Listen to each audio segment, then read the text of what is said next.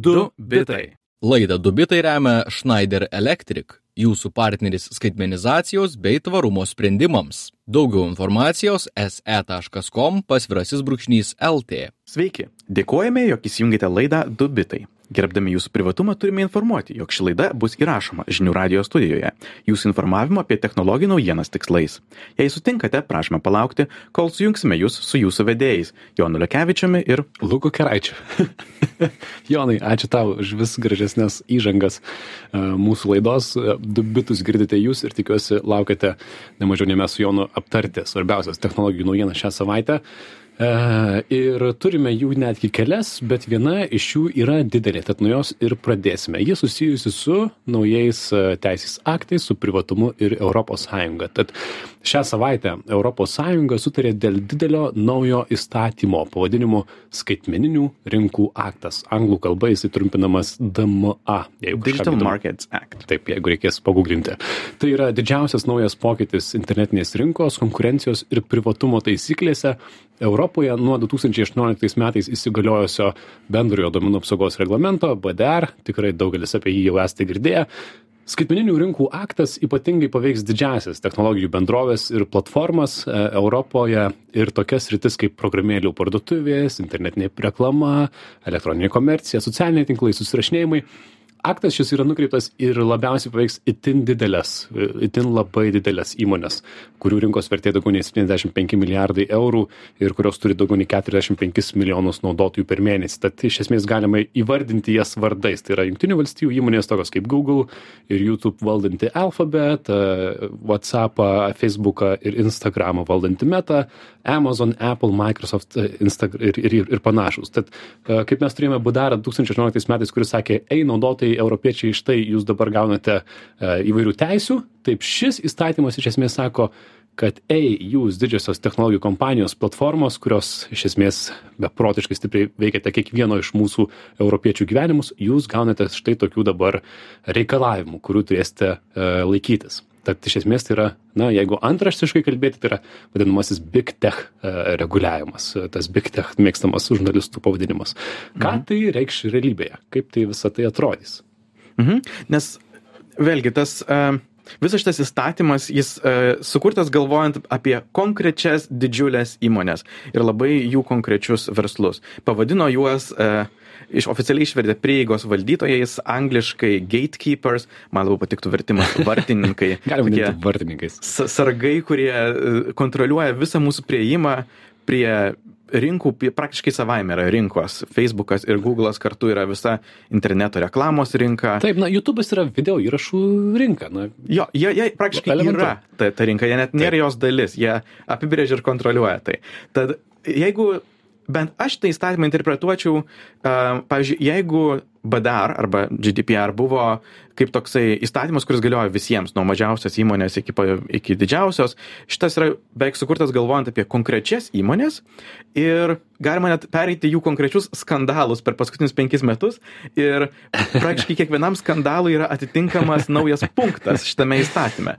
Pavyzdžiui, galima eiti, kokie buvo nusiskundimai politikų arba žmonių arba uh, vartotojų apie Amazon.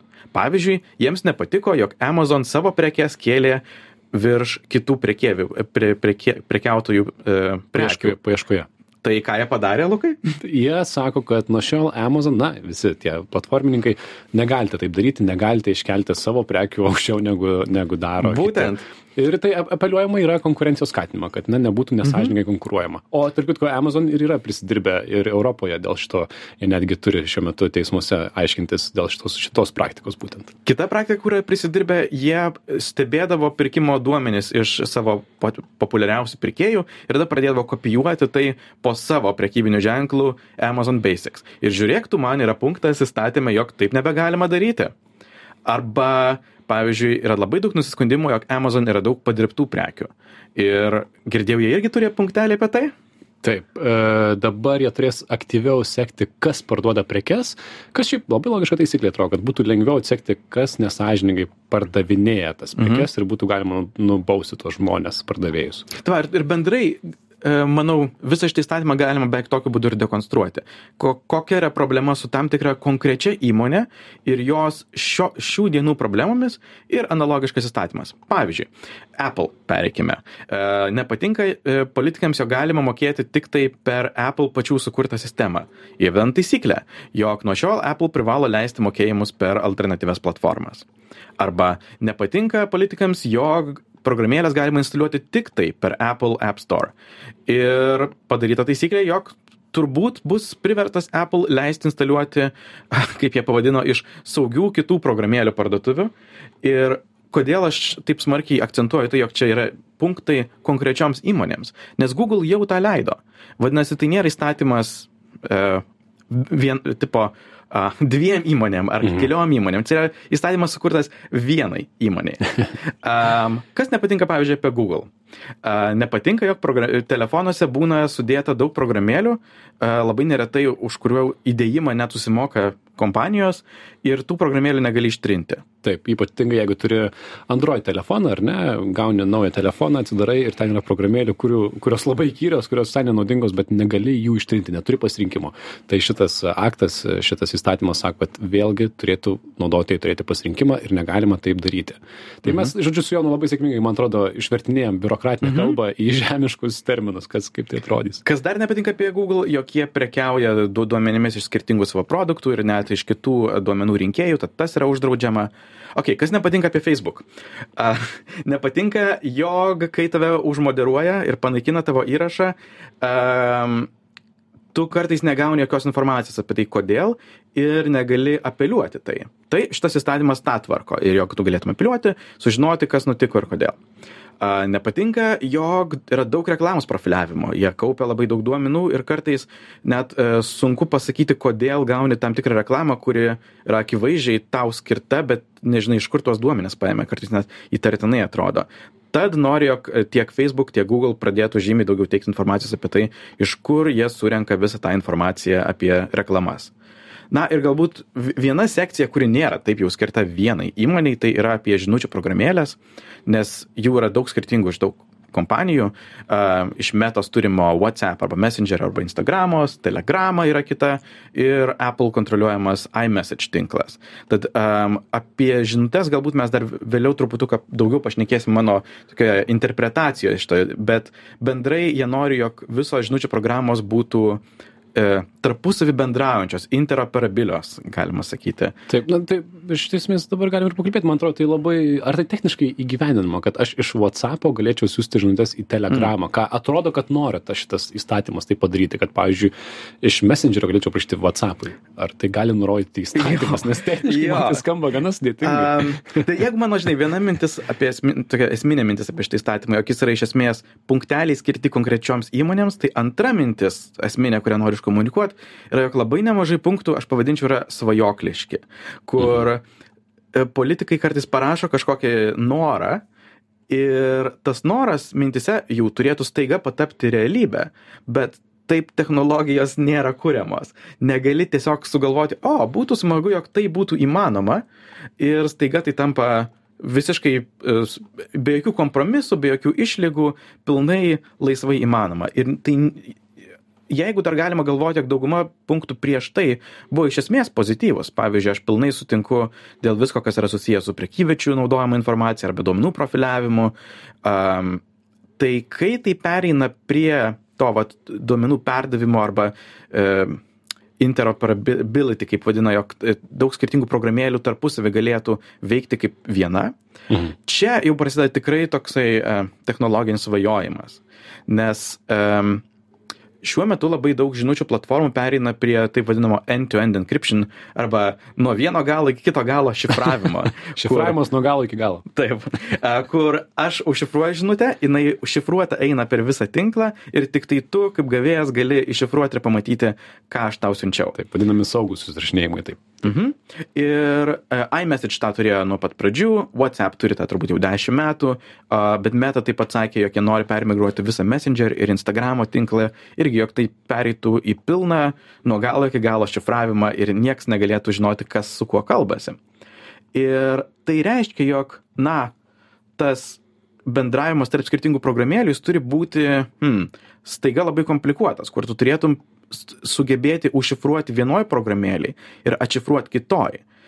Ir neinant į labai labai daug smulkmenų ir detalių, tai, jog konkrečios įmonės kontroliuoja tą centralizuotą infrastruktūrą, kuri valdo visą šifravimo raktų pasidalinimą, identiteto valdymą ir leidžia užtikrinti tą duomenų privatumą. Jeigu tu pradedi leisti dalinti leisti kitoms kompanijoms, gal net mažesnėms, prieiti prie visos tos infrastruktūros pirma tu labai daug rizikuoji jog duome duomenys bus nutekinti jog galbūt ne visiškai legitem legitimus a legi legitimios įmonės gaus priėjimą prie tos šifruotos infrastruktūros apsimetinės vartotojais ir galbūt a na gaus tuos duomenis kurių neturėtų gauti.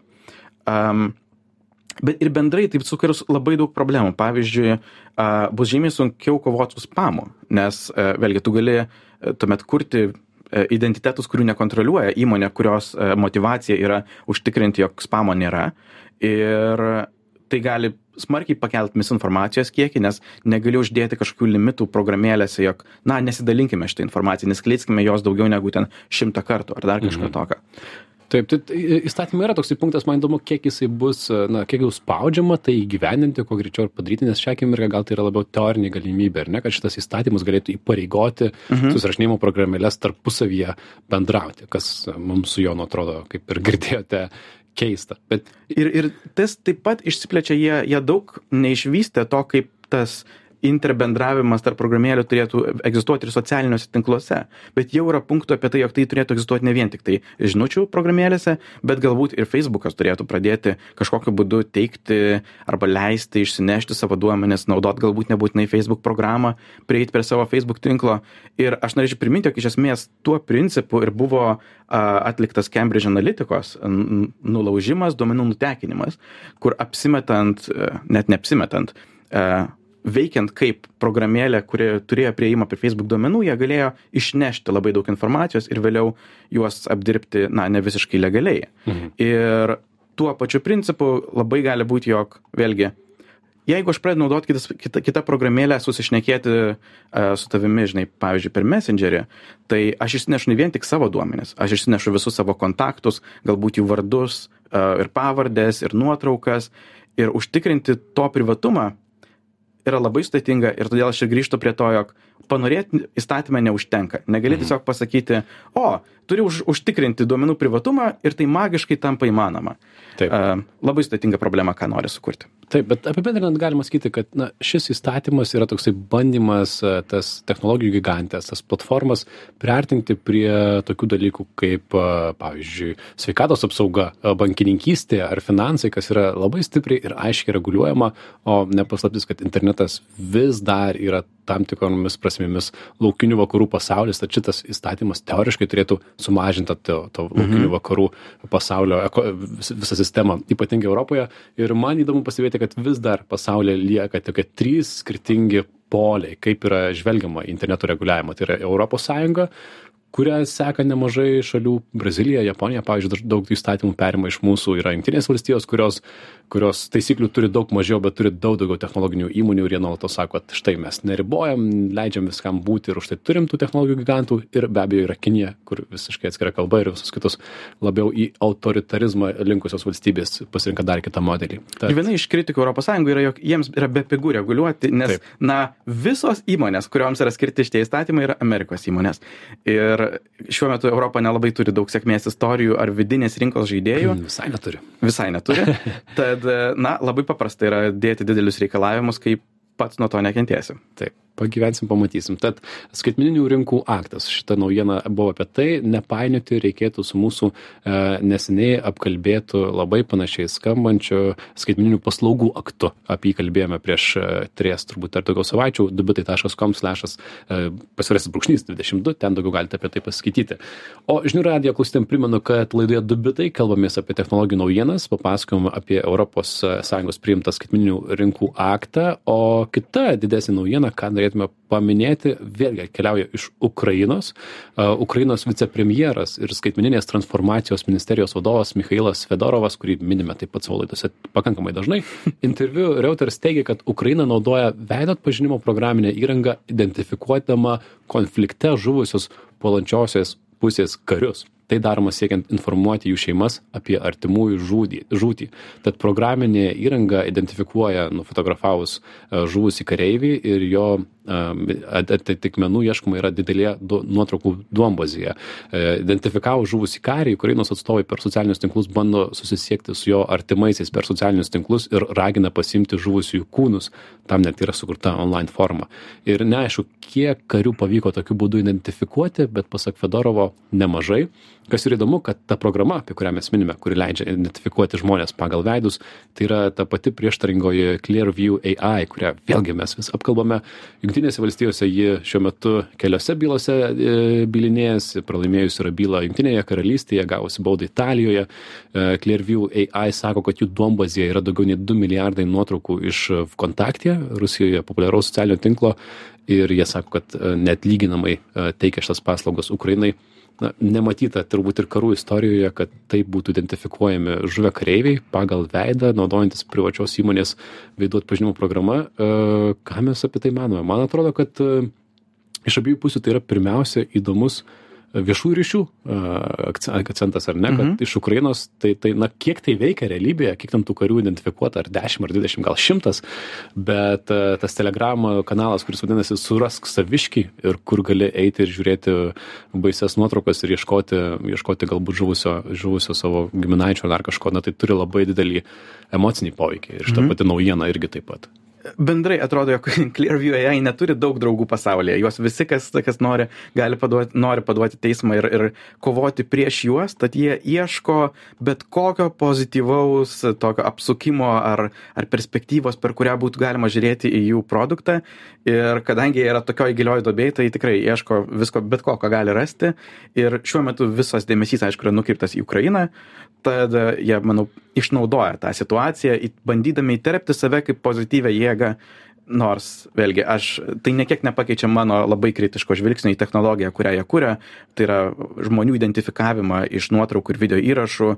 Um, nesvarbu, kokioj duomenų bazėje, taip sakant, jie egzistuotų. Taip, mes gal, galim trumpai priminti, kad Clearview AI jie naudoja nuotraukas, na, panašu, kad naudoja nuotraukas iš Facebook'o, Instagram'o, tai yra galbūt nuo jo dombozė yra mano nuotrauka, galbūt jo nuotrauka, mhm. niekas mes nuoširdžiai nežinome. Ir jo, kadangi jie tai daro net lygintinai, tai toks labai įdomus viešų ryšių žingsnis, man atrodo, rinkodaros konferencijose dar girdėsim šitą pavyzdį paminimą. Trečioji naujiena, tikriausiai paskutinė, kurią mes šiandien spėjom apkalbėti, ji buvo mums pasiūlyta klausytojo Tomo ir ačiū jam šią temą. Jisai sako, žiūrėkit, tai yra toksai straipsnis, kad Apple dirba ties, um, angliškai tai pavadinkim, hardware subscription um, paslauga. Tai yra, kad... E, prietaisų prenumerata. Prietaisų telef... Tai taip, ar gali telefoną, tai yra iPhone, susisubscribinti? E, ar tai galėtų būti įgyvendinama? Ir aš sakau, Jonai, ką tu manai apie šią naujieną? Ir Jonas, būdamas ne tik Apple iš, išmanytojas, bet ir gerą atmintį turėdamas sakyti, sako, čia nėra tokia didelė naujiena. Apple turi labai panašią programą jau septynis metus. Nuo 2015 metų jie turi iPhone Upgrade Program, kur moka daugmaž 35 dolerius per mėnesį ir kiekvienais metais gauni naują iPhone.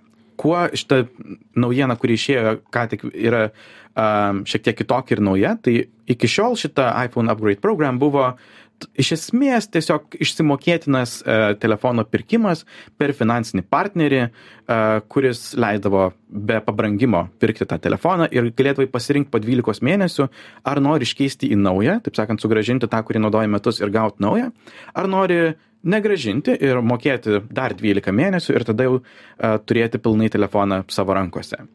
Naujas, nauja informacija yra panašu, jog pirmą Apple nori panaikinti tą savo uh, finansinį partnerį, jog pilnai kontroliuotų visą pinigų ėjimą į, į savo kišenę, bet taip pat jie nori pakeisti ir tam tikrą prasme principą, jog tai nebūtų tiesiog išsimokėtinas dalykas, tai būtų tikra tiesioginė prenumerata. Mhm. Vietoj to, jog pirktum telefoną ir jį turėtum kaip savo nusavybę, mokėtum galbūt net mažiau nei 35 dolerius per mėnesį, būtų logiška, bet gautum fizinį telefoną ir taip pat e, prieimą prie jų visų paslaugų, nes jie labai nori stumti visą savo Apple TV, kurie laimėjo Oscarą, beje, sveikinu, um, Apple Music, taip toliau ir panašiai.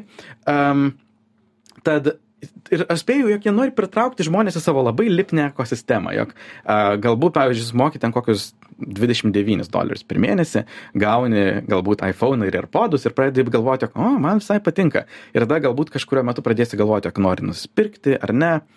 Bet e, šita realybė, jog prietaisai tampa prenumeratomis, tai nėra vien tik Apple idėja. Mes prieš tai buvome minėję Xbox žaidimų konsolės uh, planą, kurį vadinasi All Access, kur gali mokėti uh, kas mėnesinę prenumeratą ir gauni ne tik žaidimų kolekciją, bet ir fizinę konsolę į savo namus. Šią savaitę taip pat PlayStation pakeitė planus ir nors kol kas nėra juose fizinės konsolės, aš spėčiau laiko klausimas, kada uh, ir PlayStation pradės siūlyti fizinę konsolę kaip nuomos uh, prekę. Taip, tai, tai, tai daiktų, tai yra hardware prenumerata, tai tokia yra jau, jau dabartis tikriausiai, ar ne? Ir kai pagalvoju, kiek industrijų, kiek, jeigu gilinės, tai tų prenumeratų yra visur, nežinau, pavyzdžiui, oro linijose ar netgi lėktuvo aptarnavime, kiek daug dalykų dirb, veikia prenumeratos principu. Aš manau, kad po 10 ar 15 metų, nežinau, ko nebus galima prenumeruoti, bus viską galima prenumeruoti, man atrodo, link, link to eina pasaulis, tad, tad tai tik tai kartojasi. O Lietuvoje šita paslauga. Jo, aš, aš greit nesitikėčiau, nes kol kas visi šitie pavyzdžiai, kuriuos paminėjome, yra tik JAV, kas yra indikacija, jog jeigu to nėra net uh, Anglijoje, net Kanadoje, tai turbūt užtruks kokius kelis metus, kol tai atsiras tose šalise. O Lietuvoje, aš manau, galėsime kokį 28 iPhone prenumeruoti, kokių 15 metų. Čia galėtų būti taip pat tokia firminė tavo eilutė apie naujieną su Apple, kad štai ką Apple pristatė ir galbūt po 10-15 metų tą turėsime ir Lietuvoje, kadangi tai užtrunka kažkodėl, reikėtų kažkokiu būdu ja. paskubinti. Uh, tad tikriausiai tiek šiandien laidoje du bitai, kiek spėjom, tiek apkalbėjom technologijų naujienų. Ačiū Tomui už savo pasiūlytą naujieną. Tai galite padaryti nuėję į Facebooką ir ten suradę grupę pavadinimu technologijų naujienos. Imkite ir parašykite ten savo temos idėją arba pakomentuokite naujieną, kuri jums buvo įdomi. Arba parašykite mums, e, man arba Jonui tiesiai per Facebooką. Taip pat nebusime. Jeigu prenumeruotojate mūsų, mūsų laidą kaip tinklalaidą per Spotify ar, arba kitur, tai mūsų aprašyme kiekvienos laidos rasite nuorodas į mūsų profilius, ten labai lengva mus pasiekti. Taip, tad bendraukime mes, e, žinių radijos ateinė žinių radijas.lt visi įrašai bus, o mes sakome iki kitos savaitės grįšim su kitom naujienom. Iki. Iki. Du bitai. Laidą Dubitai remia Schneider Electric, jūsų partneris skaitmenizacijos bei tvarumo sprendimams. Daugiau informacijos se.com pasvirasis brūkšnys LT.